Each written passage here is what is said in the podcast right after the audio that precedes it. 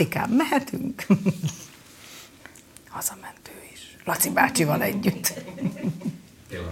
Jó. Tessék. Van egy kedvenc oldal... Na, tessék zavarba. Sose hibáztam.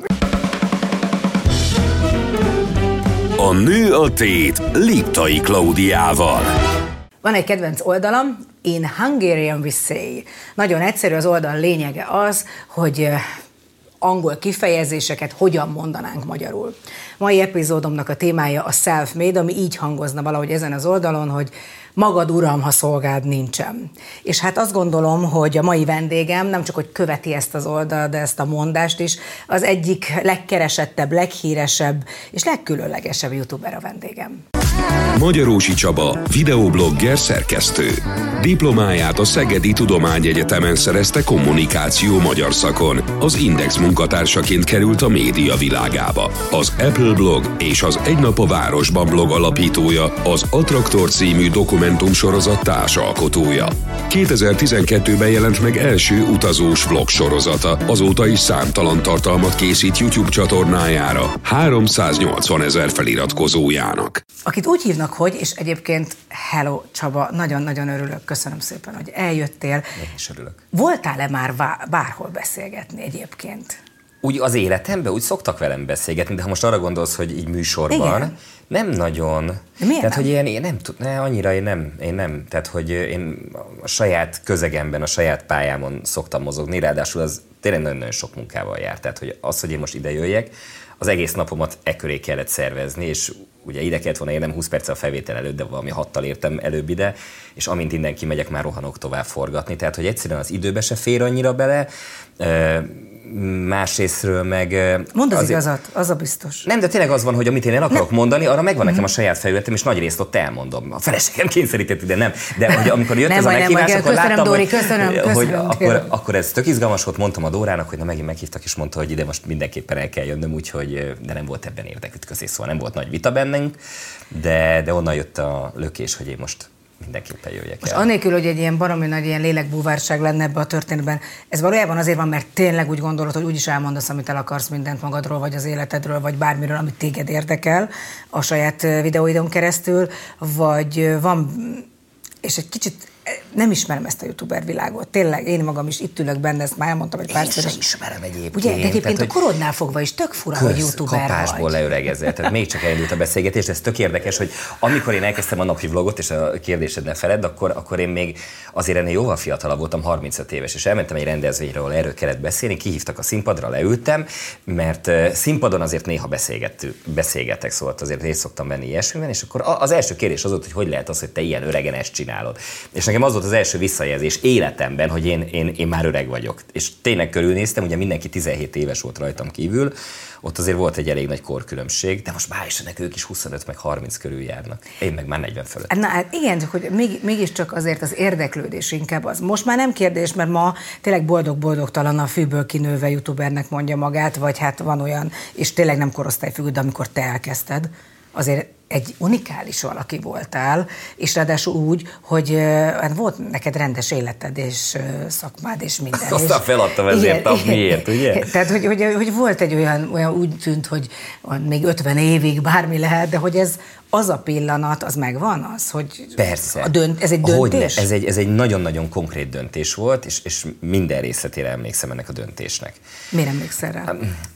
Hú, nem tudom, hogy honnan kéne indulni, szóval, hogy én nekem, ugye volt egy hagyományos, és egy ilyen klasszikus újságírói karriernek nem mondanám, de klasszikus de újságíróként. Az Indexnél. az Indexnél újságíróként dolgoztam, ahol én egyébként már elkezdtem újságíró koromban ezt az online videózást, az akkor 2006 körül volt, szóval az, az tényleg azt nem mondom, hogy példanélküli volt Magyarországon, de akkor ez majdnem egy időben van a YouTube indulásával, tehát hogy a YouTube beresség, mint olyan, az még ki se alakult, főleg nem Magyarországon, amikor mi az Indexben már online videóztunk. Az is egy ilyen véletlennek köszönhető, hogy elindult egyáltalán. De várj, várj, az, Hú, ezek érdekelnek a leg, nem, ezek a legfontosabbak, mert mindig minden ilyen apróságból okay. lesznek a nagy dolgok. Igen. Tehát hogyan indul el véletlenül valami? Én nekem az életemben még úgy gondolom nem indult el, hát minden olyan tudatos. Hát megfogom a poharat, inni akarok, mert szomjas vagyok. Mi az, hogy véletlen? Nekem minden e, vala, tehát kívülről nézve nagyon tudatosnak tűnik az, amit én csinálok, valóságban pedig egy csomó véletlen eh, adódott össze, és az alakította az életemet.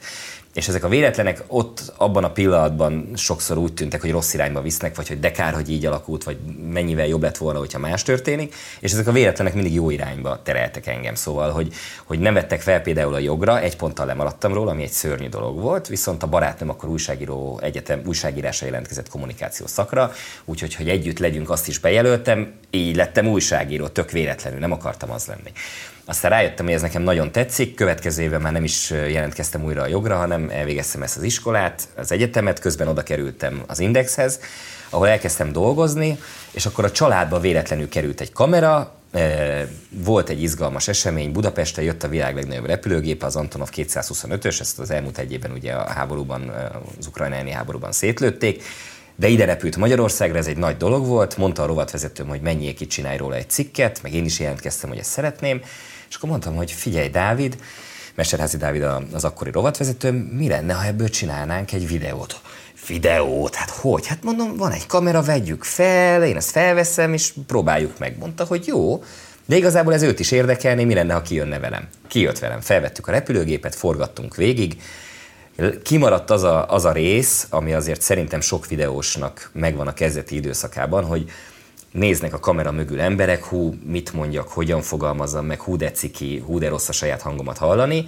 Mi is be voltunk feszülve a kamerától, de aztán szóltam Dávidnak egy 20 perc után, hogy te figyelj, a kamera a sárban van, nincs mögötte senki. Leraktuk a földre, igazából azt mondunk, amit akarunk, szóval, hogy engedjük ki, ne fogjuk vissza magunkat, és mi vágjuk a videót úgy is, úgyhogy majd kivágjuk azt, amit ciki.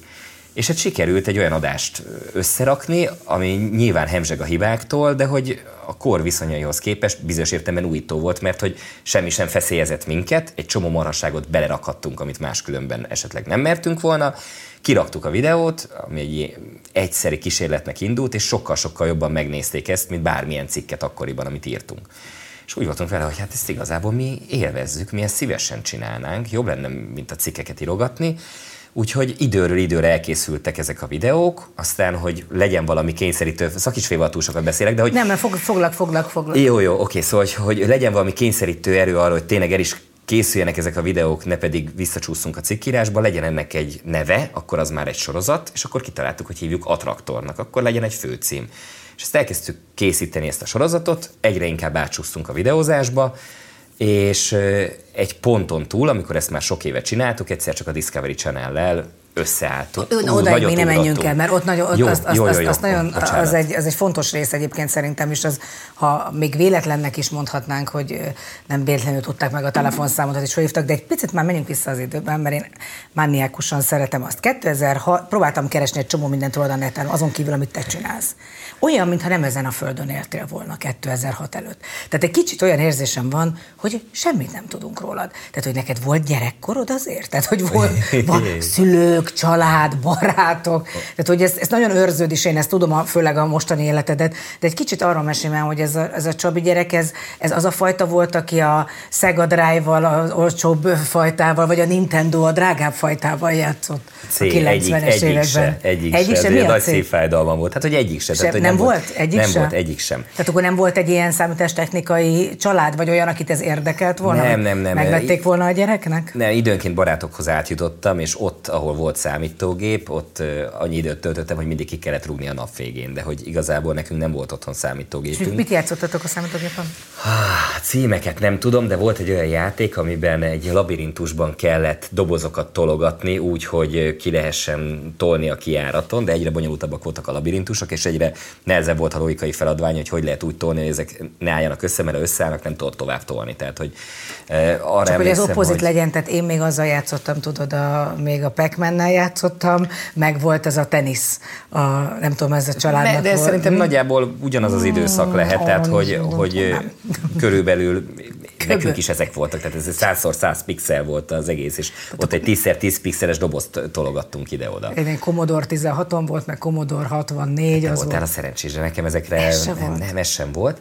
Ez sem volt. 93-ban jött az első számítógép a családba. Én nagyon-nagyon vágytam rá, én írogattam ilyen lapokat, hogy hogyan fog majd kinézni az, amikor én számítógépezek, összeállítottam különböző konfigurációkat, Amiga 500-ra, 1200-ra, erre mind nagyon Na, vágytam, és én elképzeltem, hogy de ezek... akkor neked volt egy, van egy ilyen reál beállítottságú agyad, vagy az, tehát maga érdekelt a számítástechnika? Igen, érdekelt a számítástechnika, meg, meg mondjuk alapvetően humán beállítottságú agyam van szerintem, de de nem csak, nem tudom ezt jobban megfogalmazni. Szóval nagyon érdekelt, én ezt nagyon akartam. Támogatott a család ebben? Vagy, hogy vagy, legyen számítógép? Hát igen, meg az, hogy úgy érdekel, tehát, hogy egy, tehát egyáltalán csak az, hogy milyen volt a magyar Rósi család, ami teljesen értelmezhetetlen, hogy az a hosszú az miért van a levetekben, az miért van benne? Hát ez egy nagyon hosszú történet. A nagyapám ö, ö, Erdélyben, azt nem mondom, hogy Erdélyben született, ahogy mondta, de Erdélyben született, ahogy szoktam mondani, hogy Magyarországon fogant, de már Romániában született, mert ugye pont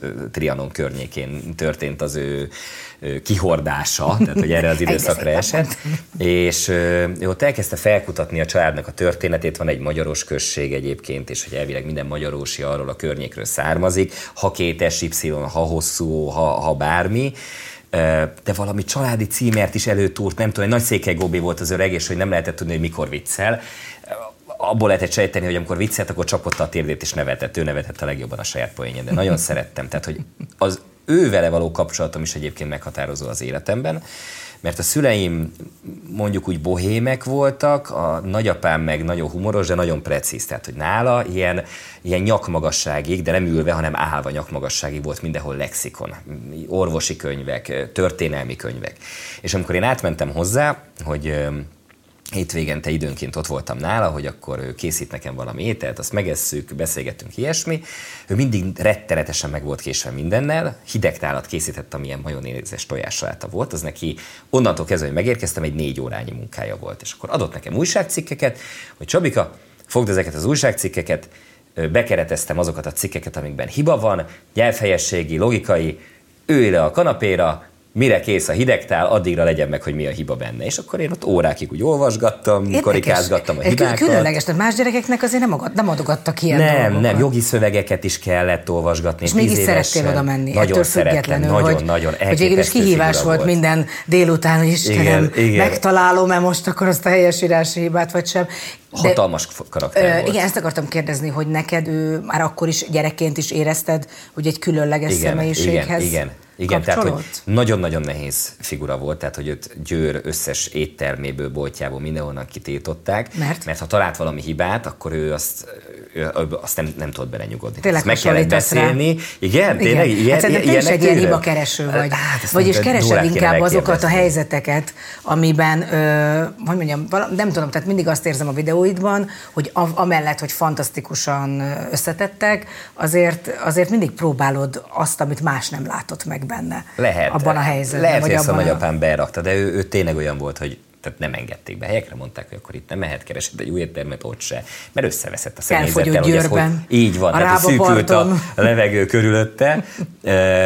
és én ismertem ezt az oldalát is, meg azt is, hogy elképesztő meséket talált ki nekem, szóval megvoltak azok a karakterek, amiket ő alkotott, a kengyelfutó Kázmér és a háromlábú Boldizsár, és akkor, amikor én átmentem hozzá, akkor tudtam, hogy, hogy az elején lesz egy ilyen jogi veszőfutás, ahol nekem meg kell néznem, hogy mi, mi az, ami egyébként nem helytálló, akár jogi szempontból, akár nyelvfejesség, akár bármilyen logikai szempontból, de hogy utána óriási móka lesz, hogy eszünk egy jót, a hidegtálat szerettem, nagyon sokat fogunk nevetni, előjön ezekkel a sztorikkal, szóval, hogy alapvetően egy nagyon meghatározó karakter az életemben. Hány éves voltál akkor? Ez melyik időszak?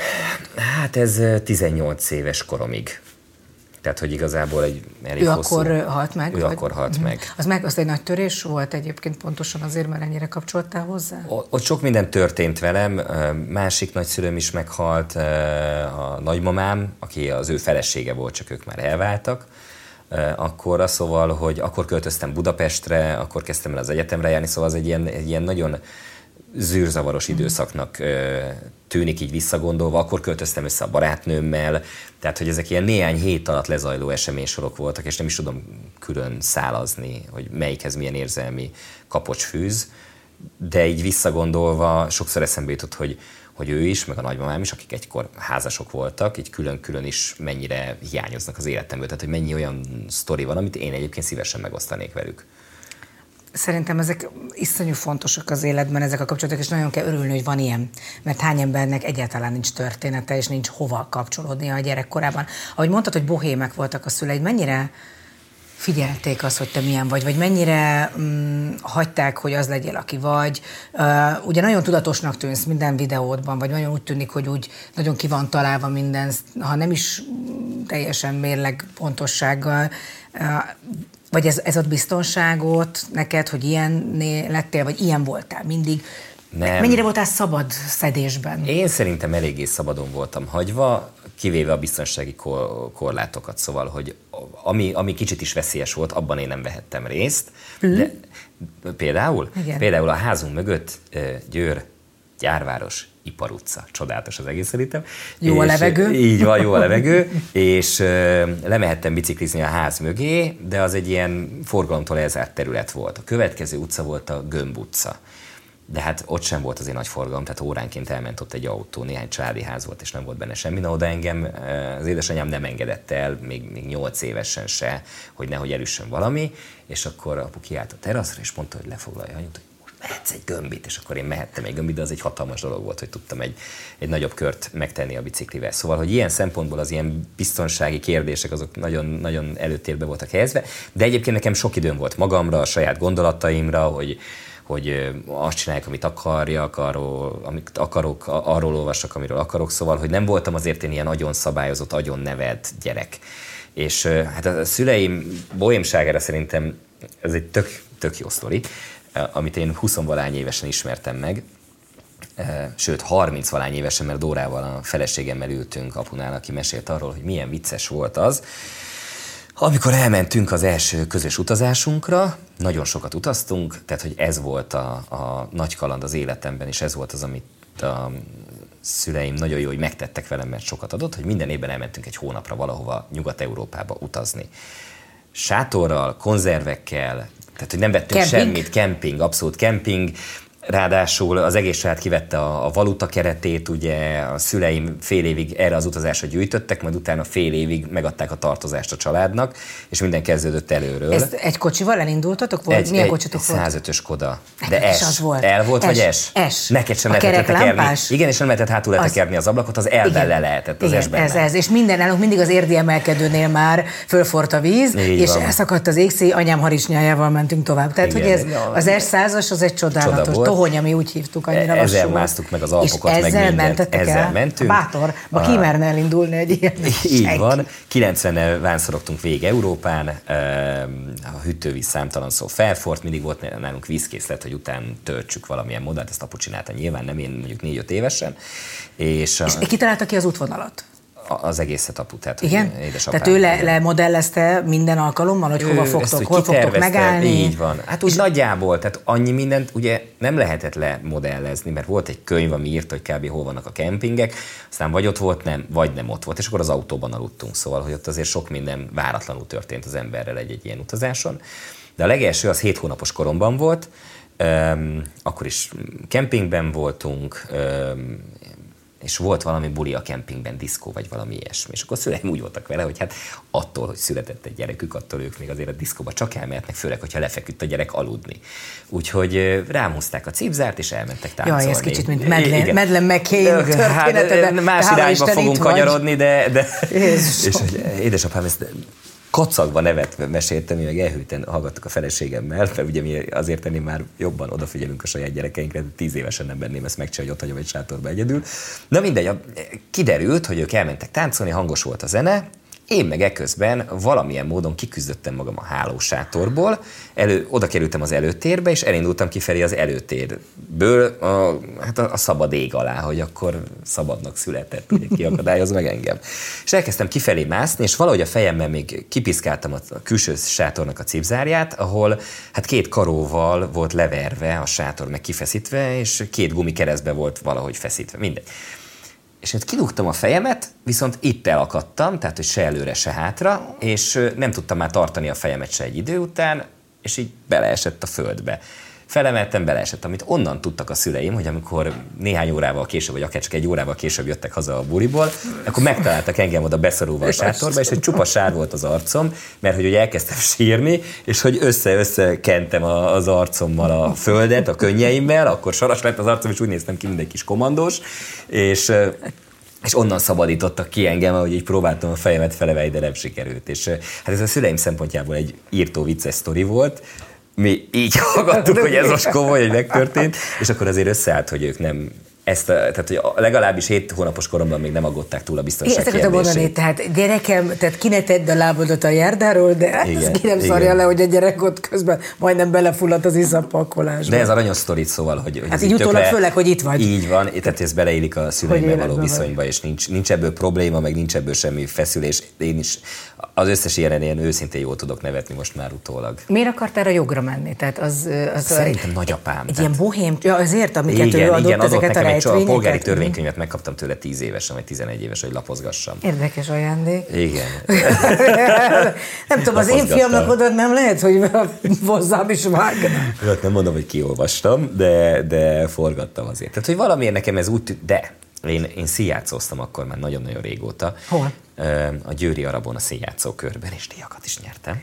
És nekem egyébként... Mi volt az erősséget? Tehát inkább próza, vagy inkább verseket? Nem, mondtad? versekben sose, próza, próza, próza minden, mindenképpen. Az, az ifjú Hamlet. Voltam Hamlet. Azzal ne. nyertem díjat, de. Ne de, de, de, de, de, de. És emlékszel még rá? Hát részletekre igen. igen. Hogy igen, a, igen? Igen, a, igen. A nagy monológ az, hogy többé-kevésbé megvan, azt néha felszoktam idézni, hogy megvan-e még, és, olyan 90 De ez hogy idézett fel, már ne haragudjál, tehát hogy hát ott elkezdem pörög, pörög, meg egy pillanat, most figyelj, figyelj, mutatom. Nem, nem az, hogy előadom, hogy... Adjál már egy koponyát, vagy valami, valamit a hűtőből hadd fogjak meg. Nem, hanem úgy vezetek mondjuk, és akkor eszembe jut, hogy szijátszoztam Hamlet. Megvan még a nagy monológ, elkezdem pörgetni, és akkor úgy többé-kevésbé egy ideig megvan. De akartál is színész lenni? Nagyon. Igen? Igen, és, és a, most már eszembe jutott, hogy hogy jött ez a jog. Tehát én színész akartam lenni, néztem az amerikai filmeket, nagyon-nagyon tetszettek, én el akartam menni ebbe az irányba. Nyilván néztem egy csomó jogi filmet, meg ilyen ö, ö, tárgyaló teremben játszódó krimit, ezek nagyon tetszettek, és szerintem az az ügyvéd volt az, ami megtetszett. és hogy így, így van, és ö, talán, talán ez volt az, ami, ami nekem megtetszett, és akkor a szüleim is azt mondták, meg a nagyapám is, hogy jó, oké, lehet színész, de hogy, hogy legyen egy B-terv, hogyha az esetleg mégse jönne össze, és akkor talán ez lehetett a B-terv, ami egyre inkább ává vált, ahogy készültem rá, tanultam rá nagyon-nagyon sokat, és egyébként tök jó volt, mert hogy maximális pontszámot elértem a felvételin, csak akkor még az volt, hogy ezt nem lehetett duplázni, hanem voltak ilyen vitpontok is, és, és a pázmány volt az, ahonnan egy ponttal maradtam le, miközben amikor kihirdették a felvételi ponthatárokat. Akkor még benne voltál? Akkor egy ponttal fölötte voltam, én felraktam a Queen We Are the Champions-t, és ott ugráltam, hogy megvan a jogatja úristen a maximális felvételi pontszám után már sejtettem, hogy meg lesz, de kellett az, hogy mi a ponthatár. És, és aztán megjött a papír, és láttam, hogy nem egy ponttal fölötte vagyok, hanem egy ponttal alatt. És akkor hívtam a tanulmányosztályt, hogy itt valami tévedés történt, kiszámoltam a pontjaimat, hogy áll ez össze. És a pázmányra az volt, hogy a vit pontok, azok az utolsó négy év átlagából is összeálltak, nem csak az érettségi jegyeiből. És akkor néztük végig érettségi, oké, ezek a pontok, első év ez az átlag, másik, és a harmadikban, meg a negyedik évben Mind a kettőben egy ponttal kevesebbet kaptam. És mondtam, hogy ez nem jön ki, hát látom az átlagaimat. Ez nem oké, nézzük már végig, végignézzük a jegyeket. És volt két jegy, amit én nem számoltam bele az átlagba. Hát, nem tetszett annyira. Azok voltak nem, mert a... nem gondoltam. Ja.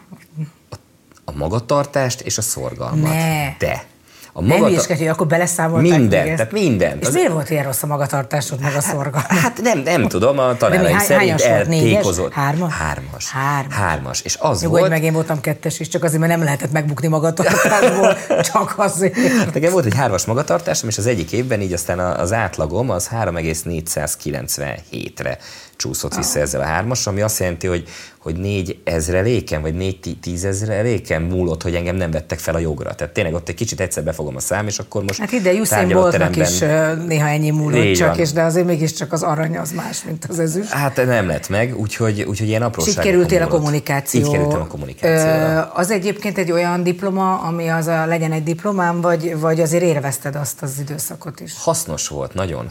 Tényleg, a mai napig. Tehát a mai ezt napig. kérdezni, hogy bele, tehát föl tudod használni? Nagyon. Én nekem mindig ez a kommunikációs szak, ez a gigalufi. Tehát mindig azon gondolkozom, hogy ez a, mi legyen a gyerek semmihez nem ért jó, hát akkor menjen a kommunikációs szakra, ott majd valamit mm. elmelegszik, ott télen befűtenek, most már azt se, de valami majd lesz belőle. Igen, ez a Szegedi Tudományegyetemnek volt a képzése, ami kommunikáció magyar szak volt együtt, és a magyar szakon ott, ott nagyon keményen vettek minket, tehát hogy nagyon sokat kellett olvasni, finnül kellett tanulni, abból semmi nincsen meg. Tehát, hogy nagyon, de nagyon... kellett finnül tanulni? Hát finnugor, a... nyelvrokonság, ja. el kell sajátítani annak is az alapjait nyelvészeten. Tényleg van rokonság? Tehát tényleg a keszin kívül mi a kéznek, azt hiszem, ugye, a finn, hogy van? Nem én leszek az, aki ezt meg fogja tudni neked mondani. Ezeken de... a nem voltál ott? Hát van, de, de, hogy én nem tudom megcáfolni, de sem megerősíteni, sem cáfolni nem tudom, de... Pedig ezért hívtalak. Hát egész azért, ezért tanítottak volt. minket, mert hogy van, tehát a tudomány akkori és jelenlegi állása szerint volt, és ezért kellett a, a finn nyelvvel is foglalkozni, tehát ez egy kemény szak volt. A kommunikáció szakra lehetne azt mondani, hogy ez egy büfészak, de ezt a Szegedi Tudomány Egyetem baromi komolyan gondolta akkor, és bár voltak gyakorlati órák, amiknek szerintem nem sok hasznát vettem soha, például rádiós gyakorlaton tanultuk a vágást, és szallaggal vágtunk, meg ollóval. Hát ma már nem, de azért az de, egy, ak- de az... akkor a, ne, a, nem, tehát nem a 60-as években járunk, kérdeztem a tanárnőt, hogy egyébként ezt fogjuk tudni alkalmazni valahol. Egy nagyon kedves idős tanárnőnk volt, és mondta, hogy hát az a helyzet, hogy a magyar rádióban ő még így vág, de ő az utolsó Magyarországon, aki így vág. És mondtam, hogy jó, de akkor ezt most miért csináljuk tulajdonképpen? Hát nem baj, az meg ő nem tud más tanítani.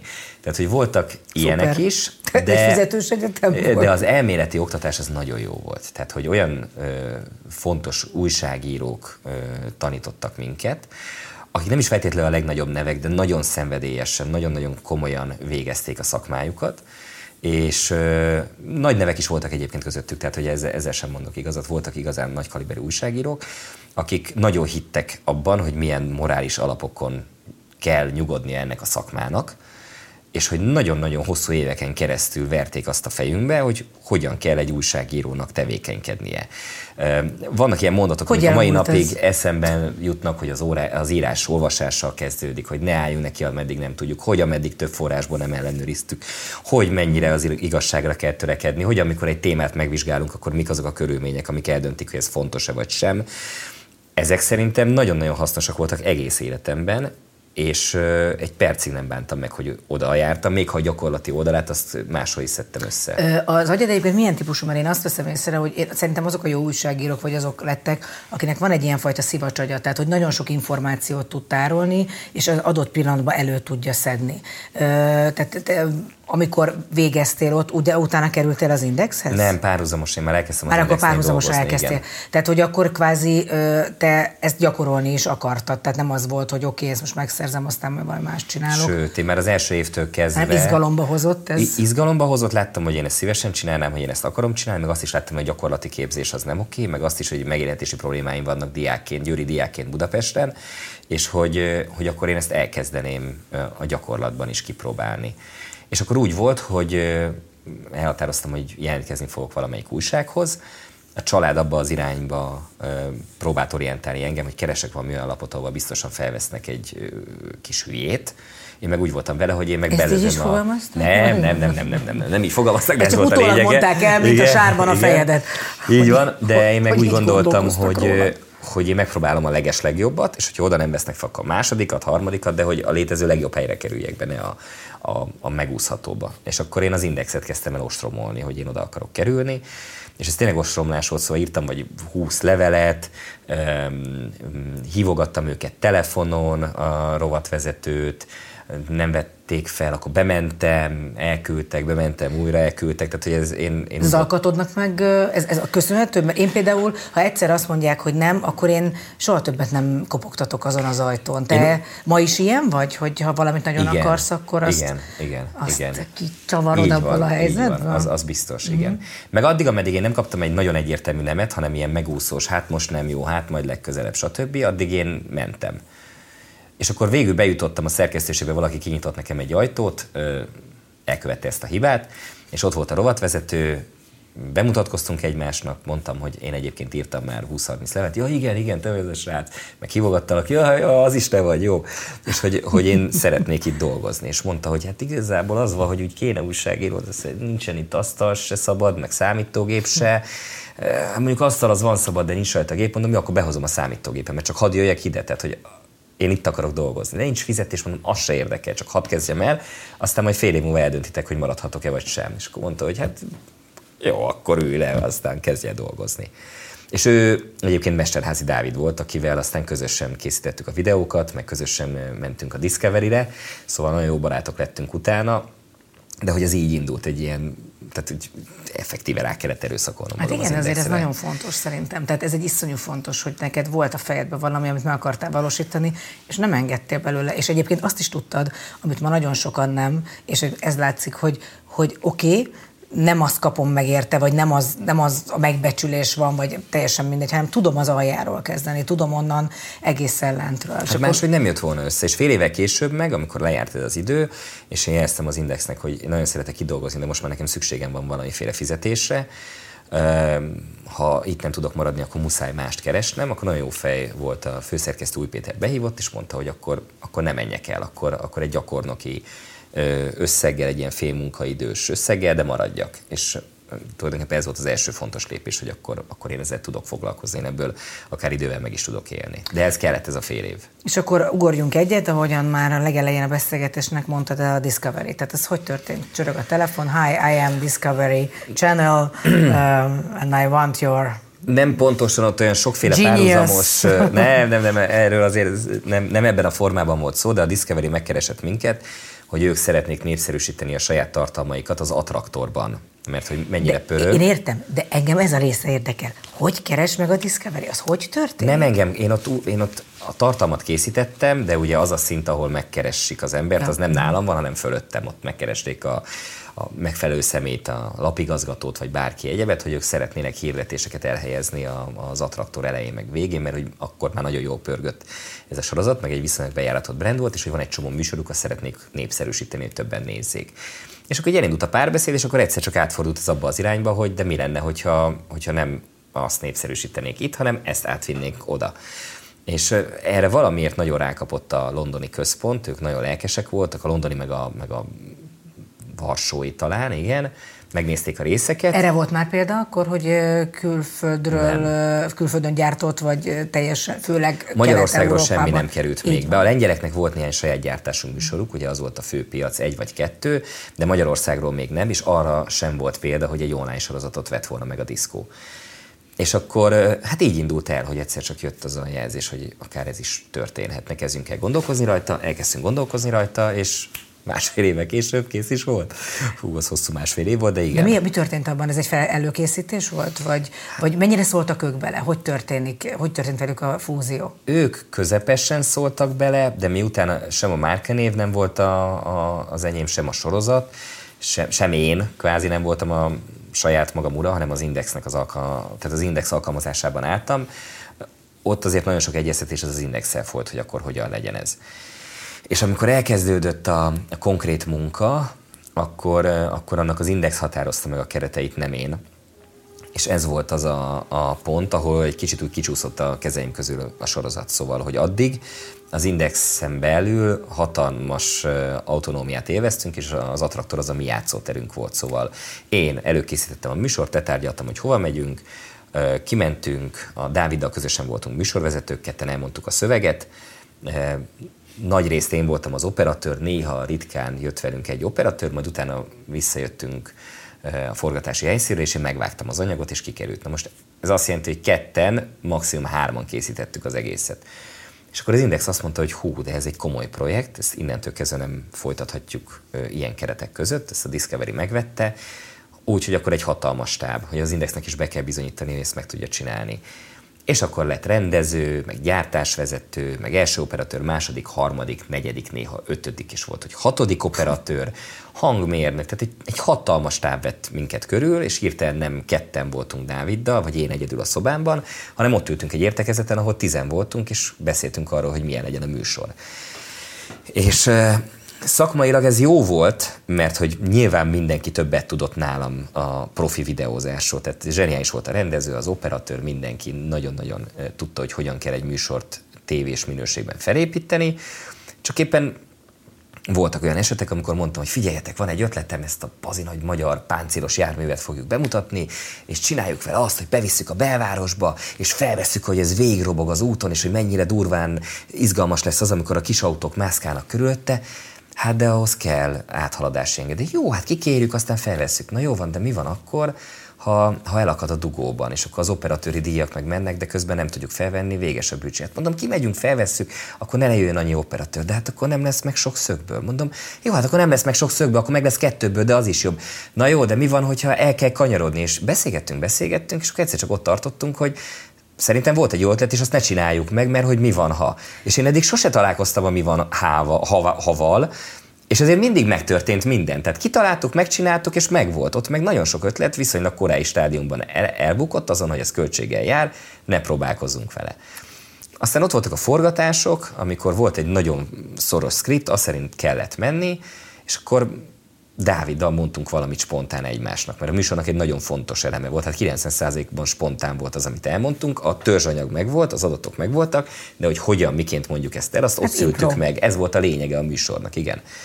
Na most mondott Dávid egy jó poént, én azt jól lereagáltam a lehetőségeimhez képest, majd egyszer csak szól az egyik operatőr srác, hogy egyszer. vegyük újra, mert, mert meg, a keze az beleütközött halálom, a... Igen. A halálom. Tehát én mindig mondom, hogy gyerekek, egyszer a poén, egyszer igen, poén. A mondat, egyszer mondat. Így ott van. voltál, ott voltál, nem vagy, nem vagy. És nekem ráadásul nincsenek ilyen színészi kvalitásaim, tehát én mondtam, hogy nem tudom újra játszani, gyerekek, ezt felvettük, de a könyökön beleütközött a, a, falba. De hát mondom, még három másik operatőr vette, de ez volt a tuti kép.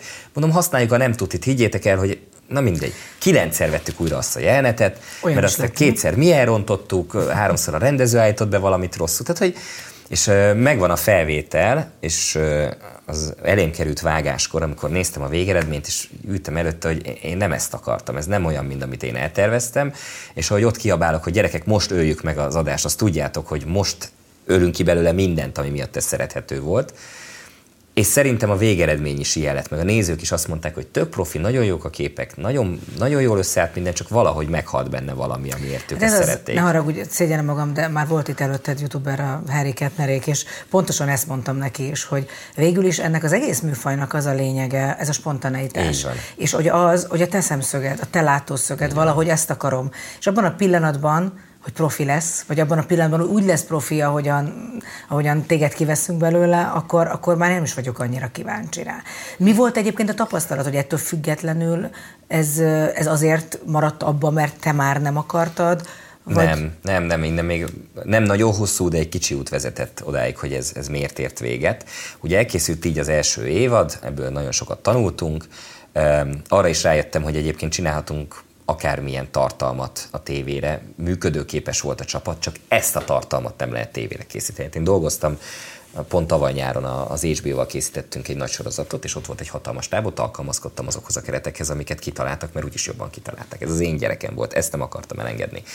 Meg volt az első évad, egész jó volt a nézettsége, sőt, kimondottan jó volt a nézettsége, és a Discovery be is rendelte a második évadot ö, belőle, viszont azt én tudtam, hogy én nem fogom még egyszer ezt végigcsinálni, tehát vagy úgy készítjük, ahogy én azt gondolom, vagy ne készüljön el. Hogy ez a régi nézők felé is egy, egy kötelesség, akik hiányolták a régi attraktort, meg én is éreztem belülről, hogy ezt hogyan szeretném véghez vinni, és visszamentünk három főre. Tehát ez azt jelenti, hogy volt Dávid, mint műsorvezetőtársam, gyerekkori nagyon jó barátom, akivel rep zenekarunk is volt, Kovács Robi, és aki akkor már operatőrként dolgozott, ő csatlakozott a csapathoz, mint egyetlen operatőr, és akkor voltam én, aki, aki minden egyebet csinálta. Szerkesztést, előkészítést, rendezést, segédoperatőrködést és műsorvezetést Robi, és az a Robi, aki ma is a Robi? Aki ma is a Robi. Tehát ott kezdtünk együtt dolgozni, és volt még plusz egy fő, aki hangmérnökként utólag összeállította a hangsávokat úgy, hogy az Discovery kompatibilis legyen, és elkészült egy év alatt ez a második évad, ezzel tök elégedettek voltunk mindannyian, szóval ez képileg hozta az első évadnak a minőségét, Robi szuper jó képeket készített, de közben meg mehetett a marhulás. És a Discovery is elfogadta ezt, tehát ők is azt mondták, hogy ez tök jó, tetszik, srácok. És lement a, a tévében, és a nézők is azt mondták, hogy na ez olyan volt, mint amit megszoktunk, csak sokkal profibb. Köszönjük.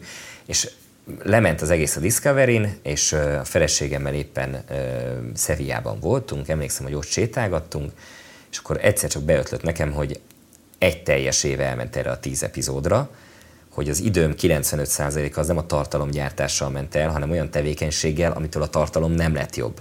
Tehát az, hogy a scriptet 28-szor leegyeztettem, hogy akkor itt milyen mondatot fogok mondani, amit úgyis elfogadnak egyébként a végén, csak muszáj ezeket a köröket lefutni. Meg a hangkeverésnél, hogy hogyan kell azt 12 csatornára kiírni, meg hogyan írjuk fel egy mágnesszalagra, hogy, mert mágnesszalagon kellett elküldeni ezeket a részeket. Tehát, hogy nagyon sok olyan adminisztráció volt, ami a tartalomhoz nem tartozott, Viszont baromi sok időt vett. Nagyon sok időt elvett, és én gondolkoztam azon, hogy egyébként Robival közösen dolgozva, vagy akár egyedül, mert ugye sok mindent én vettem fel, ez alatt az egy év alatt én, én a netre tudtam volna csinálni száz részt, vagy, vagy 150-et, vagy még többet, és az csak tartalomgyártás lett volna. És bár sikeres volt ez a discovery de én néha raktam ki a netre videókat, és a közepes sikereket is jobban nézték, mint, mint akkoriban egy tematikus csatornán egy jó futósorozatot. Tehát, hogy többen is nézték volna meg. És az volt az a pont, amikor ott sétálgattunk, és mondtam a feleségemnek, hogy hogy én abba hagynám ezt, nekem ez nem, ez, ez nem éri meg, hogy ennyit adminisztrálok, ahelyett, hogy tartalmat gyártanék. Én, ha én valamiben jó vagyok, akkor, akkor abban vagyok jó, azt csinálom szívesen, és akkor viszont már nem csak ilyen tech tematikájú adások lennének, hanem minél több utazás, ez a vlog műfaj, ami, ami szabadon engedi a képzeletet, és bármi belefér abba, hogy bármiről készíthetünk tartalmat, és ebbe esetleg ő is szerepelne néha, és mit gondol erről, és valami bárban voltunk egy ilyen nagyon-nagyon kellemes októberi napon, tök jó idő volt, tetőn, és akkor mondta, hogy ez neki tetszik, szerint ez érdekes lehet, ezt próbáljuk meg. És akkor január 1-én elkezdődött 7 évvel ezelőtt, és azóta tart. Az, hogy a szervezeti létből, amikor így kiléptél, az egy tudatos, így ahogy mondod, az volt, de hogy nem volt félelmetes? Tehát, hogy neked soha most hát persze ez hülyeséget nincs olyan ember, akinek nincsenek félelme, és nem gondol arra, hogy ez menni fog. Vagy te annyira bízol magadban, és annyira önazonos vagy, vagy az önértékelésed az a helyén van, hogy, hogy nincs, nem volt kétség, hogy belefogok, nem arra gondolok, hogy majd mi lesz, ha nem lesz jó, hanem belefogok. Nem, hát amikor az utolsó évadot csináltuk, akkor én már többé-kevésbé egy szervezetlen létben voltam egy részt, tehát akkor, az már, akkor én már nem voltam indexes. Tehát kvázi akkor csak ezzel foglalkoztál? Akkor csak, e, de ez sem igaz, mert én nekem addigra már voltak különböző blogjaim. Tehát, hogy én indítottam blogokat, azokat is véletlenül. Tehát, hogy 2007 környékén volt, amikor én raktam be a techrovat, sőt, még annyi se volt talán részletkérdés raktam be a tech rovatban a híreket reggelente, és volt egy ilyen tech blog, elkezdtem kísérletezni ezzel a blog műfajjal, és én oda reggel feltöltöttem azokat a híreket, amik engem érdekeltek. És akkor rám szóltak, hogy figyelj Csaba, van ez a kis marginális gyártó, mindig berakod róla a híreket, ez a kutyát nem érdekli, erről ne legyen többet szó az indexen, mert ez egy komoly lap, ez a gyártó meg nem ér annyit, ezt úgy hívták, hogy Apple. És meg úgy voltam vele, hogy engem érdekelt ez a kis, akkor még tényleg marginális gyártó. Én úgy gondoltam, hogy ebben nagy potenciál van, hogy, hogy tényleg jó dolgokat készítenek, csak nem tudnak róla az emberek. És ha én erről le vagyok tétve, akkor én csinálok egy saját blogot, ami csak az enyém. Létrehoztam egy másik gyerekkori barátom, nagyon fontosak a gyerekkori, fiatalkori kapcsolatok. Az Apple blogot, elkezdtük oda feltölteni a híreket, és ez nem sokkal az iPhone premierje után volt, amikor így kilőtt a cég. De addigra már mindenki tudta, hogy ha Apple-lel kapcsolatos híreket akar olvasni, akkor erre a blogra fog elmenni. És ez egy nagyon gyorsan sikeres bloggá vált, ahol volt nagy nézettség, tehát egy-egy indexes rovattal konkuráló nézettség volt rajta, és volt bevétel is, tehát volt egy ilyen láb. Aztán oda be akartunk rakni időnként ilyen budapesti életmód cikkeket, és az olvasók ránk szóltak, hogy őket ez nem érdekli, ők a, ők a hírek miatt jönnek ide, a kütyűs hírek miatt, úgyhogy csináltunk egy újabb oldalt arra, ez is egy véletlen. Ez lett az Egy nap a városban blog, ami meg még sikeresebb lett, mint, a, mint az Apple blog. Aztán erre, ennek volt egy sorozata, ami menő budapesti lakásokról szólt, ami annyira sikeres volt. Várj, várj, csak azért ne szaladjunk egyről, mert neked ez tök természetes, de alapvetően valahogy úgy érzem, hogy minden a, mindig, én, hiszek ebben az úttörőségben ebben, hogy, hogy ez egy fontos dolog, hogy te vagy az első benne. Biztos nem te voltál a leges-legelső, de azért ebben a kontextusban mégiscsak, ahogyan belemertél venni, honnan jöttek az ötletek? Tehát honnan, tehát hogy ez teljes mértékben saját szülemény, volt olyan tanár, aki mondta, hogy jótól lopni nem szégyen, tehát hogy vagy, vagy te egy ilyen nagyon-nagyon széles spektrumon nézted a világot, Megláttad azt, hogy mi az, ami hiány? Nem, mindig csak azt csináltam, amihez kedvem van. Tehát az indexbe kedvem volt berakni az apple híreket, rám szóltak, hogy nem szabad, akkor jött be a blogmotor az index alá, hát mondom, akkor én azt odarakom, mert ez engem érdekel. Eszünkbe se jutott, hogy, hogy ennek komoly nézettsége, pláne bevétele lesz. Tehát ez egy, megint egy véletlen, hogy így alakult. Volt bennem egy feszítő érzés, én ezeket meg akarom írni, mert érdekel a cég. Úgyis újságírással foglalkoztam, semmi nem állt reggel, nem 6.30-kor kelni, hanem 5.30-kor, összeállítani ezeket a híreket a blogra, és utána mentem be. Bocs, hogy azt mondom, de szerintem ez nem jó szó a véletlen. A véletlen az az, amikor tehát tényleg véletlenül... Tudatosság nem volt Na, benne. Tudatosság az nem volt benne. Nem, tehát, hogy, hogy... Agyamba, ezt akartam igen. igen. nem volt. Tehát nem az volt, hogy oké, okay, ott nem kellek, de itt kelleni fog, és akkor majd az. És egyébként szerintem az nagyon sokszor izzadságszagú is, hogyha akarod, hogy ebből legyen majd valami. Tehát igen, inkább lehet. saját magát ö, keltette életre ez a dolog. Le, lehetséges. Igen, tehát magát keltette életre. És így jött az Egy nap a városban blog, és így jött abból a menő lakásom blog, ami meg menő budapesti lakásokról szól, csak sok volt már a tartalom az Egy nap a városban blognak, akkor ennek is csináljunk egy külön blogot. És az is sikeres lett, és az annyira sikeres lett, hogy csináltunk rá egy belső építés céget, mert hogy jöttek velem szembe a belső építészek az utcán, hogy szia Csaba, tök jó volt az a cikk, amit egy éve megírtál rólam, azóta tele vagyok munkákkal, és csak abból élek. De király, nagyon örülök, szia Petya, jön velem szembe Ildi. Szia Csaba, azóta csak ebből élek. Szia Édi, ez tök jó. Jön Szilvi, én is az a, Borész, aha, és akkor szóltam állam, hogy figyelj, nem kéne erre egy céget csinálnunk, hogy mi is esetleg ebből éljünk, valamilyen módon részesüljünk. Oké, de, de értettetek hozzá? Nem, de nem is arról szólt a belső építés cég, hogy mi kezdünk el ezzel foglalkozni, nem hanem hogy találkozunk a munkánk során tehetséges ah. belső építészekkel, akik talán amatőrök, nincs is körülöttük céges háló, nem tudnak hogyan dolgozni, hmm. és akkor csináljunk mi egy céget, ami valamiféle keretet ad ennek a munkának, hogy őket megtalálják, rajtunk keresztül kapnak munkát, van egy csapat, aki végrehajtja a kivitelezést, és szóval ez Igen, is egy kicsit olyan alakult. vagy, mint a, nem is tudom, amikor így az ember, aki felismeri a hiányt. Tehát, hogy mindig, hogy valami van, ami, ami, ami még nem történt meg, de már tudom a hozzávalókat, és akkor, hogyha azt egybe rakom, akkor abból lesz valami új. Lehetséges, minden esetre ezek már megvoltak akkor, amikor én elkezdtem főállásba youtuberkedni. Tehát, hogy amikor én az Indexből kikerültem, már akkor is megvoltak ezek. Ezek blogok? Blogok, tehát, meg szolgáltatások. De még nem képes tartalom? Nem, ez még írott, tehát nem vlog, hogy videoblog, hanem blog, ez a Tehát, hagyományos internetes napló. Ö, egyébként az, hogy előtte ugye ennyi videótartalmat gyártottál már, meg se fordult a fejedben, hogy ezekre már előbb kellene akár videófelületet adni? Volt videófelület, nekem volt egy YouTube csatornám, de oda csak azt raktam ki nagy részt, ami az attraktorban nem kerülhetett be, meg az attraktornak csináltam ott promóciót leginkább, és néha-néha az Apple blogra már videós tartalmat készítettem, ami ott megjelent, mint felület, de maga a motor mögötte az YouTube volt. Tehát az én YouTube csatornámra töltöttem fel a tartalmat, de úgy voltam vele, hogy úgyse nézi meg senki, majd a blogon megnézik. És nem is néztem én a YouTube csatornámra rá különösebben, ameddig egyszer csak észre nem vettem, hogy van rajta 50 ezer feliratkozó. Aztán 78, és akkor egy idő után észrevettem, hogy vannak ezek a videók, amiket ugyan beágyazok a blogokba, de a nézettség 95%-a már a YouTube-ról jön, és nem a blogokról. Tehát, hogy ez is olyan kellett egy motor, azt használtam, és egyszer csak, mire oda néztem, már ott volt egy komoly közönség. Szerintem az egyik legkülönlegesebb képességed, egyrészt, hogy most hallgatlak meg, amit az egész, ez, tehát hogy ez... A mázli. Na, már megint kezdődik. A, a mázli, a nem tudtam, a valahogy a fejemre esett az alma.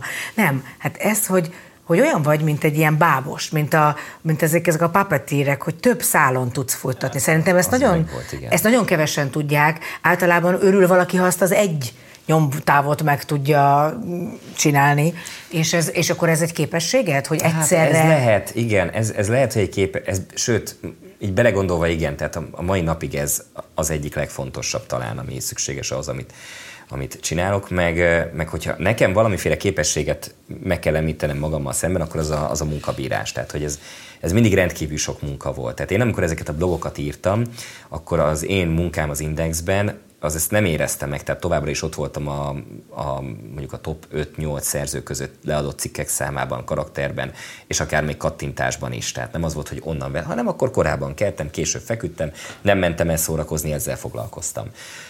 És mindig egymásra épültek ezek, a különböző tevékenységek, amiket én folytattam, és ehhez kellett munkabírás, meg az, hogy le tudjak mondani arról, hogy elmegyek ma este szórakozni, akkor ma dolgozom, ma, ma erről van szó. De minden esetre, amikor ez a youtuberkedés elindult, akkor az Index mint olyan már nem volt az életemben, a Discovery nagyon sok időt vett el. Ugye az is kikerült, hiszen azt cseréltem le erre, de egy éven keresztül még a blogok megmaradtak. Három blogot még vittem amellett, hogy elkezdtem minden nap elkészíteni egy videós tartalmat. Mikor tudtad, hogy azoknak el kell engedni a kezét? Egy év után. Tehát az első évad e, lement. Ez idő miatt, vagy egyet érezted, hogy annak vége? Tehát nem, hát az... azt kell tudni erről a napi vlogról, hogy ez kívülről talán egyszerűnek tűnik, de ezt ilyen két-két és fél évnél nem nagyon csinálta senki tovább a világon. Mert Minden egyszerű. Tehát, jó, oké, okay, na mindegy. Érted, tehát én, én, én, én, én, aki azt gondolom, hogy egy ilyen bonyolultabb agyú valaki vagyok, az, hogy magát, hogy olyan minőséget írjak le, amit én is szívesen elolvasok, akár fél év múlva is, szerintem az olyan ember az nagyon nehezen tud magából megszülni naponta valamit. Ne, nehéz volt. Tehát, hogy na, tényleg, amikor átálltam erre a napi egy videóra, akkor nekem ilyen 16-18 órás munkanapjaim voltak az első évadban végig. Akkor nem volt még gyerek, ugye? De volt. Már volt? Akkor már mind a kettő meg volt, szóval a feleségemre elég nagy teher rakódott ezekben az időszakokban, nagyjából mindent egyedül kell csinálnia, és akkor az első évad a szeptemberben véget ért, azt ott le is zártam, és az volt az a pont, amikor én tudtam, hogy ha újra kezdem, tehát lesz egy második évad a következő évben, akkor a blogokat én már nem fogom tudni folytatni, mert, mert, mert egyszer nem fér bele. Mert hogy, mert hogy, ahogy mondtam, csak a napi vlogolásba, ebbe a videókészítésbe azért két-három év után mindenki kiég, és ezt még három bloggal összeszervezni, az, az, az sok volt már nekem. Most eddig a mászobrodat faragtuk, tehát egyértelmű, hogy nagyon szépen, igen, és most, és most jön ez, amikor hozom a nagy bunkót, amivel nem, nem, nem is tudnám, meg nem is akarom. Uh, azt már nem mondtam ki, amikor ott készülöttünk a sminkbe, hogy a férjem óriási rajongód, és, és ő az, aki először így rávezetett. erre. Így, igen, tehát téged a feleséget, engem a férjem, és hogy így rávezetett arra, hogy, hogy tehát nézd meg ezt a fiút, ez tök jó. Mondom, hogy ez nem fiú, ez már férfi, tök öreg. Nem, nem, nem, ez volt a lényeg, nem. Hanem az, és az első videó, amit láttam tőled, olyan pokoli ideges lettem tőle, és azt mondtam, hogy én kérem magamnak, hogy valaki ilyen nagyképűen fikkancson le egy várost. Ez volt Meg, Los, Los Angeles. Angeles. Hú, de utálom Los Angeles. Bármikor hajlandó vagyok lefikkantani. Figyelj, tehát Bármikor, ott álltál valami hely. tetőn, én álltál, és ezt a szárt, és hát Hú, nagyon rossz hely Los izé-. És így áll, ültem, és néztem, no ki ez? Hogy meri? Miért kell? És egyáltalán. És akkor az lett a vége, hogy néztem, néztem, nagyon ideges lettem, azon gondolkoztam, hogy megkeresem és megverem, nem, nem azért nem. Itt a lehetőség. És aztán, és aztán nem, nem foglalkoztam, nem gondolt itt adásban. Ö, és aztán azon gondolkoztam, hogy basszus, én azon nevelkedtem, hogy 25 évig olyan műsorokat gyártottam, ami szépen kitalált, ami leforgatott, amiben nem lehetnek csúnya szavak, amiben nem lehetnek, nem azt mondom, hogy saját gondolatok, mert azért én nekem sikerült elintéznem, hogy legyenek, de mégiscsak egy sokkal moderáltabb valami. És akkor rájöttem, hogy hát ez persze, hogy nem, hát ez nem az a műfaj. Tehát miért válok el valamit valamitől, aminek nem kell, hogy megfeleljen. Ettől még nagyon-nagyon ki voltam borulva rá, de ettől, az, az az igazság, hogy azt hiszem, hogy ez az, ami, ha tényleg valamitől ez ö, úgy különleges, és akkor különleges, hogyha valószínűleg van egy olyan személyiség mögötte, mert azért az kell hozzá, hogy, hogy te teljes messzélességgel, ahogyan mondod most is, mögé állsz. Igen, azért az nagyon fontos, hogy én egyedül, meg Robival, meg különböző összetételben, de készítettem szerintem egy 80 város bemutatós videót legalább. És azt gondolom, hogy Los Angeles-en kívül semmit se húztunk le. Tehát, hogy ahova mi kerültünk, azt a szerettük. volt pont azzal igen, kezdtem. igen, de azt a város tényleg gyűlölöm. Tehát ilyen, ilyen, de miért ilyen, utálsz ilyen valamit? Nagyon rossz az a hely, nagyon-nagyon nagyon rossz, jó, üres, jó, jó. nincs benne semmi, nincs mit mutogatni. Meg elkészült az a videó. És utána a Los Angeles-i barátaink hát, Venice Beach-en csak egy szippantás a jóból, és más és is. A, na, Venice Beach-et szerintem dicsértem is, hogy az, annak ja, van igen. hangulata, És hát ott hogy néznek ki azok a fantasztikus falfestmények? San Francisco-ból jöttünk, ami csodálatos. Mentünk tovább San Diego-ba. Csodálatos. Én még Ugyanezt a három helyet jártuk mi is végig. Vegas-t is tudom értékelni, mert az meg egy jó poén, tehát hogy az, az ami, de, de Los Angeles meg arról szól, hogy mész egy 17 sávos autópályán, melletted két sávos házak vannak, és ez négy órán keresztül tart. Eljutsz egy következő helyszíre, ahol elmész a Rodeo Drive-ra, ami mondjuk bármelyik európai városnak a sétáló utcájához, bevásárló utcájához képest egy vicc, majd utána megint mész négy órát, és megint megnézel valamit, ami, ami Egyébként azt tényleg csodálkoztam, hogy hogy a francban van, hogy minden második boltban töröket lehet kapni, és minden második boltban pedig szopóállarcot. Tehát, hogy ez, így van, nagyjából ez a kínálat. Valahogy ez, ez egy ilyen fura dolog volt. Azon gondolkoztam, hogy biztos Los Angelesben járok. És mondtad, hogy a, a, azokban a műsorokban, amiben te szerepelsz, ott komoly előkészület van, azért itt is nagyon komoly előkészület volt. A történelmét, a látványosságait, a, az érdekességét, a gasztronómiáját, mindent bemutattunk, csak mindenről elmondtam, hogy ez szerintem rossz. És ez a műfajnak a szabadsága, de ugyanakkor az őszintességét is az adja, hogyha nekem valami nem tetszik, akkor azt el tudom mondani, és nem kell semmihez sem alkalmazkodni.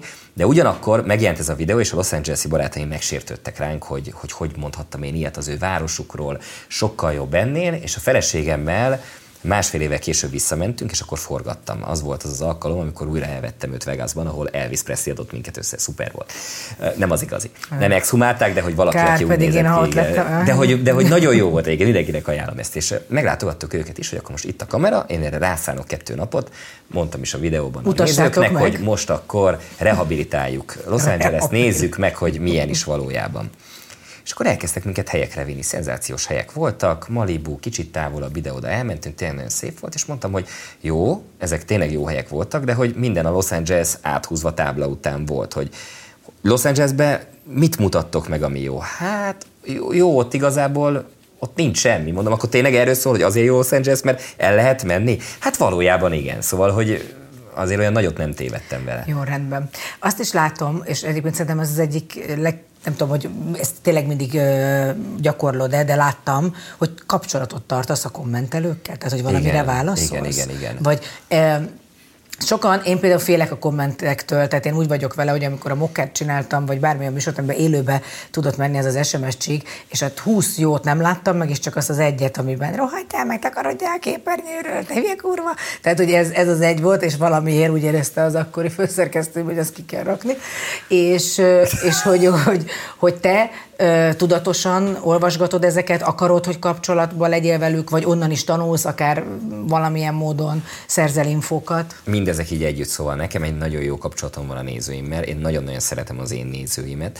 Sokszor felmerült, hogy Dekár Csaba, hogy nincsen 800 ezer vagy 1 millió feliratkozód, ugye ilyen 380-390 ezer körül van, és akkor jöttek ilyen tanácsok is, hogy milyen tartalmakat kéne készíteni, de én meg azt gondolom, hogy, hogy olyan áron tudnám csak drasztikusan növelni a nézőközönséget, közönségemet, hogy a tartalmat nagyon átalakítom ez felnőtteknek szóló tartalom, és nem, nem a pornos értelemben, nem, hanem nem. abban az értelemben, hogy ez alapvetően nem Négy, 8 éveseknek kér. Nem is az egy de azért a felnőttek között a... is szerintem egy másik Fó, ö, lehet. fókuszt. De hogy nagyon magsz. jók a kommentek, nagyon érdemben szólnak hozzá a videóhoz, mm. nagyon jó viták alakulnak ki, tehát nem az, hogy mindenki bólogat, nagyon sokszor vita kialakul, de azokból is lehet tanulni, hozzáadnak az adásokhoz, hozzáadnak különböző témákhoz. És miután megvan ez a közösség, és nagyon sok nézőmet név szerint már felismerem a kommentmezőbe, hogy ja, akkor ő most valószínűleg ebbe az irányba fogja elvinni a beszélgetést, de jó. Így meg is van szerintem egy tartalomgyártónak az a felelőssége, aki a saját csatornájára készít tartalmat, hogy, hogy legyen valamiféle kapcsolat a nézővel, főleg, hogy ez egy személyes műfaj. Tehát ez nem egy politikai show vagy valami, ahol nem kell, hogy legyen valamiféle kapcsolat közöttünk, hanem én kinyilatkoztatok és vége, hanem itt van ö, oda-vissza kommunikáció, hát ami meg, hasznos. Hát így pontosan, tehát egyébként szerintem, ha azt érzik, hogy te ott vagy valóban nem mögött a történet mögött, és nem, nem csak mondjuk egy Beyoncé vagy, aki soha nem áll szóba senkivel, akkor egy idő után nem is érzik magukénak talán ezeket így van, a tartalmakat. Van, tehát, hogy ez, tehát, hogy ez font, fontos neked. Az is nagyon, most éppen nemrég jártál egy olyan helyen, Baszkföldön, ahol szintén sokat ettél. Ezt megfigyeltem már, ugye van egy ilyen része is a munkásságodnak, hogy tehát ezt azért találtad ki, mert szeretsz enni, és ennek van egy ilyen része, vagy ez is érezted, hogy most aztán meg kell lovagolni a gasztrót, mert, mert hogy azért ez most nagyon megy. És semmit sem lovagoltam meg tudatosan. Mm. Tehát nem volt szerintem egyetlen olyan döntésem sem az érden, amikor azt mondtam, hogy na, erre most vágynak, én, ezt, én, én, én erre ráugrok. Tehát a hiányt azt belülről érzem meg, és nem kívülről. Ezt akartam, Tehát, amit mondtunk, mondtál is, hogy inkább előbb igen. megtalálod azt, mint igen. hogy igen. rájöjjenek az emberek, hogy nekik ez hiányzik? Ez, ez gyerekkorban alakult ki ez a probléma. Nagyon szerettem Nagypapánál vagy nem, nem, másik, nem, nem, másik nem, helyen? Nagyon-nagyon szerettem enni világéletemben. Édesanyám elképesztően jó finom fogásokat készített gyerekkoromban, tehát hogy ezen nőttem fel, de amikor elmentünk Nyugat-Európába, akkor rettenetes dolgokat ettünk. Tehát, hogy én a mai napig megvan előttem, hogy állunk a Kodazűrön, nézem az embereket, ahogy eszik a rákot, meg a, meg a halakat, meg a többit, és a kezemben ott van egy szendvics, ugye kenyeret azt vettünk Nyugat-Európában, minden más otthonról vittünk meg esetleg zöldséget, ezek ilyen nagyon rossz szeretett kenyerek voltak, a legolcsóbb, amit lehetett készíteni, amiből anyu készített reggel egy szendvicset, rakott bele téli szalámit, mert azt el tudtuk vinni itthonról, paradicsomot, és berakta egy szalvétába. És amikor én ezt elővettem, akkor a paradicsom már szétfolyt, átáztatta a szalvétát, és ettem a szétfolyt Szalvétás. paradicsomos, szalvétás, meleg, már az autóban megmelegedett szendvicset, és közben néztem az embereket, hogy mi mindent tesznek. És bennem akkor alakult ki, hogy én ezeket akarom enni, meg akarom kóstolni egyszer értem, hogy milyenek ezek az ételek. És olyan erős hiány alakult ki bennem ez alatt a tizenvalahány év alatt gyerekkoromban, hogy ezt a máig nem tudom elengedni. Tehát ha valahol tudok egy jót tenni, akkor arra ráugrok azonnal, és megeszem. Ö, elnéző, vagy már ilyen szempontból például ezekkel a helyekkel, vagy, vagy egyre inkább ö, kifinomult, tehát me- mennyire, mennyire tudatosan keresed ezeket, vagy ezek, meg, megpróbálsz mindent megmutatni, amikor elmész egy ilyen helyre, vagy, vagy azért már nagyon céltudatosan Én élvezem, én, én a mai napig egy élvezetevő vagyok. Tehát, hogy nincs, nincs olyan elvárás, hogy akkor nekem ide a Michelin csillagot, és kettő alatt én be sem megyek sehova. Egy lángosnak pont ugyanolyan jól tudok, pont ugyanannyira tudok örülni, ha rendesen megvan, jó minőségű tejföllekenve, és rendesen sajta megvasztva, és sok rajta a fokhagyma, mint adott esetben egy, egy kifinomult fogásnak, és mindegyikben megtalálom az örömöt. Szóval, hogy én nem azért megyek oda, hogy kötekedjek, hanem hogy egyek egy jót, és hogyha ezt megkapom, akkor annak örülök bármilyen formában is kapom meg. Tudom, nem szeretsz a családról beszélni, de egy kicsit azért annyit beszéljünk legalább hogy a gyerekeid azok tudják a te népszerűségedet? Ők már fölismerik ezt? Ugye, Sokszor- ugye 11 hét, tehát akkor így, így Igen. főleg a nagyobb, a lány, a lányod a nagyobb, tehát ő már azért tudja, hogy hú, Ne, ne, ezt nem lehet megúszni, mert sokszor van olyan, hogy Szeretik megyünk a együtt fakert. valahova, és akkor megállítanak az utcán. Tehát ez rendszeresen megtörténik, hogy egy közös fotó, vagy csak beszélgessünk, vagy bármi hasonló. Tehát, hogy ők, ők ezzel szembesülnek, és nyilván feltettek kérdéseket kiskorukban, de amikor én elkezdtem ezt a napi vlogot, ami, ami végül meghozta talán a, a legnagyobb ismertséget, meg, meg az életemben is ezt tartom szakmai értelemben a, annak a sikernek, amit én el akartam érni, bár nem tudtam, hogy ez lesz az. Tehát az első évad volt az, amikor így hátradőltem, A hogy, 246. hogy na, véletlen. na ez, most, ez most jó, ezt imádom, ezt szeretem, ez népszerű is, ezt nézik is, és hogy nincsenek igazán kérdések vele kapcsolatban, hanem egyszerűen csak jó. És miután ez elkezdődött, akkor jött az az élmény, hogy nagyon sokan fotót kértek, beszélgetni kezdtek velem, a fiam Marci egy éves volt talán, amikor ez elkezdődött, tehát neki ez nagyon organikusan vált az élete részévé, és a lányom is ilyen négy körül lehetett, négy-öt körül, tehát hogy viszonylag kiskorában kialakult ez a kép. Ezt látják, tudják, kérdeznek róla, hogy ez mennyire nagy dolog, én elmondom nekik, hogy ez tényleg nagyon jól esik az embernek, és mindenki őrült jó fej, de azért ezt túlértékelni se szabad. Tehát én hát majd biztos amikor árulják az benne. aláírásodat pénzért. Én inkább azt gondolom, hogy, hogy ezek ilyen pillanatnyi sikerek, és addig, ameddig az emberek megkapják az ingert, addig ez a siker tart, és én azt mondtam a gyerekeimnek, hogy ez nagyon jó, de hogyha apa abba hagyná ma azt, amit csinál, akkor két év múlva már senki nem állítaná meg az utcán, mert hogy annyi inger ér mindenkit, hogy, hogy, hogy már más fogja ezt a, ezt a helyt, ezt az üre, ürességet, ami Hát igen, de van. Szóval szerintem más- azért, azért, elég sok éve helytállsz már, tehát azért elég sok éve van már az, tehát hogy azért ez nem egy tiszavirág életű történet. Nem, de azt gondolom, hogy ez nagyjából addig tart, ameddig én ezt csinálom, és hogyha abba hagyom, akkor ez viszonylag gyorsan el fog múlni. Uh, amikor rád világított az én férjem, és akkor el, körbenéztem, hogy a közösségi médiában, a platformokon szerepelsz. Ott vagy, de nem foglalkozol vele. Nincs időd rá, egy nem érdekel, nem gondolod, hogy például az befolyásolja esetleg akár a népszerűséget, vagy akár azt, hogy ez hoz a másik konyhára is van. Én a tartalommal szeretek foglalkozni. Tehát, hogy És ott nem lehet tartalmat adni? Mit gondolsz? ahhoz képest, amennyit a YouTube-on lehet, egy fotóval szerintem nem lehet mondjuk az Instagramon.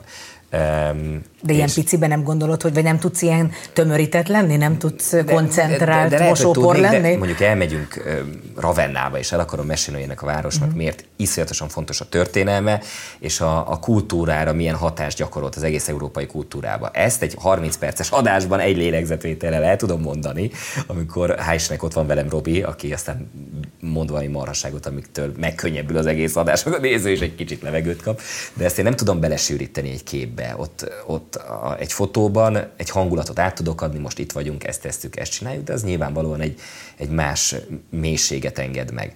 És én szívesen foglalkozom vele, de ha van egy másodpercnyi szabad időm, vagy mondjuk öt perc, ameddig össze tudnék rakni egy érdemi posztot, akkor még, akkor még néhány vágóképet inkább felveszek a videóhoz, akkor még elkapok valakit az utcán, és indítok vele egy beszélgetést, és ha már tényleg minden elkészült, és mondjuk este a szálláson vagyunk, akkor szól Robi, hogy nézd, már készítettem rólad az interjú közben egy ilyen jó képet, és lefekvés előtt akkor azt lehet, hogy kirakom, amikor már úgysem forgatok. De amikor ott vagyok, akkor, akkor nekem a forgatása minden.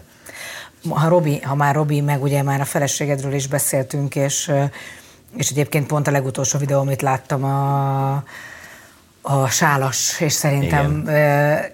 én, én, tehát mondjuk valószínűleg nőként én máshogy látom ezt, nekem ez iszonyúan tetszett, és én nagyon szeretem egyébként mindennek a hátterét látni, pontosan amit te is közreadsz, és, és látni, hogy hogyan lesz a semmiből valami egészen extra dolog. De az, hogy ők mennyire nem most, hogy beleszólnak, de inspirálóak? Vagy a, mely, tehát, hogy van-e valaki, akiből te merítesz? Vagy, vagy akire hallgatsz? É, igen. Igen. Robi, igen, igen, igen, tehát nem. Igen, nem, de, egyért, nem, egyértelműen de, nem. De igen, de igen, ez az nem, igen nem, volt, nem, az ez, a, nem, ez egy nagyon a bolgár igen. igen, ugye, hogy is van, igen. igen. Nem, ez egy, ez egy határozott igen. Robi nagyon jó hatással van rám, tehát amikor közösen forgatunk külföldön, és engem tényleg elvéne a kultúra egy, egy túlságosan mély irányba, akkor ő megtartja az egyensúlyt, és egyébként is mond jó tanácsokat, szakmai jó tanácsokat, és ezek hasznosak. A feleségem viszont nagyon-nagyon erőteljesen a földön tart engem. Tehát, hogyha én hirtelen azt gondolnám, hogy én valamiben nagyon jó vagyok, akkor ő ad két nem fizikai pofon, de minden esetre visszapofoz a földre, hogy az ézé mennyi aztán ragd el az alsogatját, amit a földön hagytál. Amúgy egyébként ezeket benne is hagyod. Benne is hagyom, igen. igen. igen. pont amikor a színházas videódat néztem, ami a Pince Színházban volt, igen. akkor volt három olyan mondata, hogy így... így ő, a, ő nagyon keményen hoz, de engem meg ez nagyon szórakoztat, tehát nekem igényem is van arra a fajta vibrálásra, ami Legalább van a mai nem napig késünk el ma. Mert a színésszel megyünk. hát a, a darab egyik szereplőjével Csaba mosolyogva, tehát mindenki kicsit olyan. 13 éve vagyunk együtt, rendkívüli módon szórakoztat a mai napig a feleségem, tehát hogy a Robi mellett az ő társaságában, meg a gyerekeim társaságában vagyok a legszívesebben, és minden este hosszasan beszélgetünk, tehát hogy ez a mai napig jól működik, és ő az, aki rám is szól akkor is, amikor, amikor én nagyon borulnék az egyik irányba, vagy nagyon elmennék eh, valamerre, akkor ő rám szól, hogy azért én ki vagyok, erősít is néha, tehát hogyha mondjuk elmegyünk nyaralni, és egy hétig nem dolgozom, akkor egy hét után mindig jön rám ez a depresszió, hogy nem forgatok. De hát akkor mi vagyok én, ki vagyok én, akkor uh-huh. én nem is érek semmit, és akkor ő helyre pofoz, hogy nincsen gond. De ha meg nagyon elszállnék magamtól, akkor is helyre pofoz, és közben meg ugye nagyon ügyesen neveli a gyerekeket, tök jó kitalálta ezt a Tia-Tia sámárkát, ezt is nagyon szépen összerakta, és sikere is vitte, tehát ilyen másfél hónappal ezelőtt jelentek meg, és, és több kifogyás volt már, tehát hogy ő is nagyon sok helyen van ott, gondolkozik, és közben még képes engem is a földön tartani. Én nagyon köszönöm, hogy az én társaságomban is egy órát eltöltöttél tényleg, mert szerintem te tipikusan az az ember vagy, hogy nehezen adod az idődet valakinek.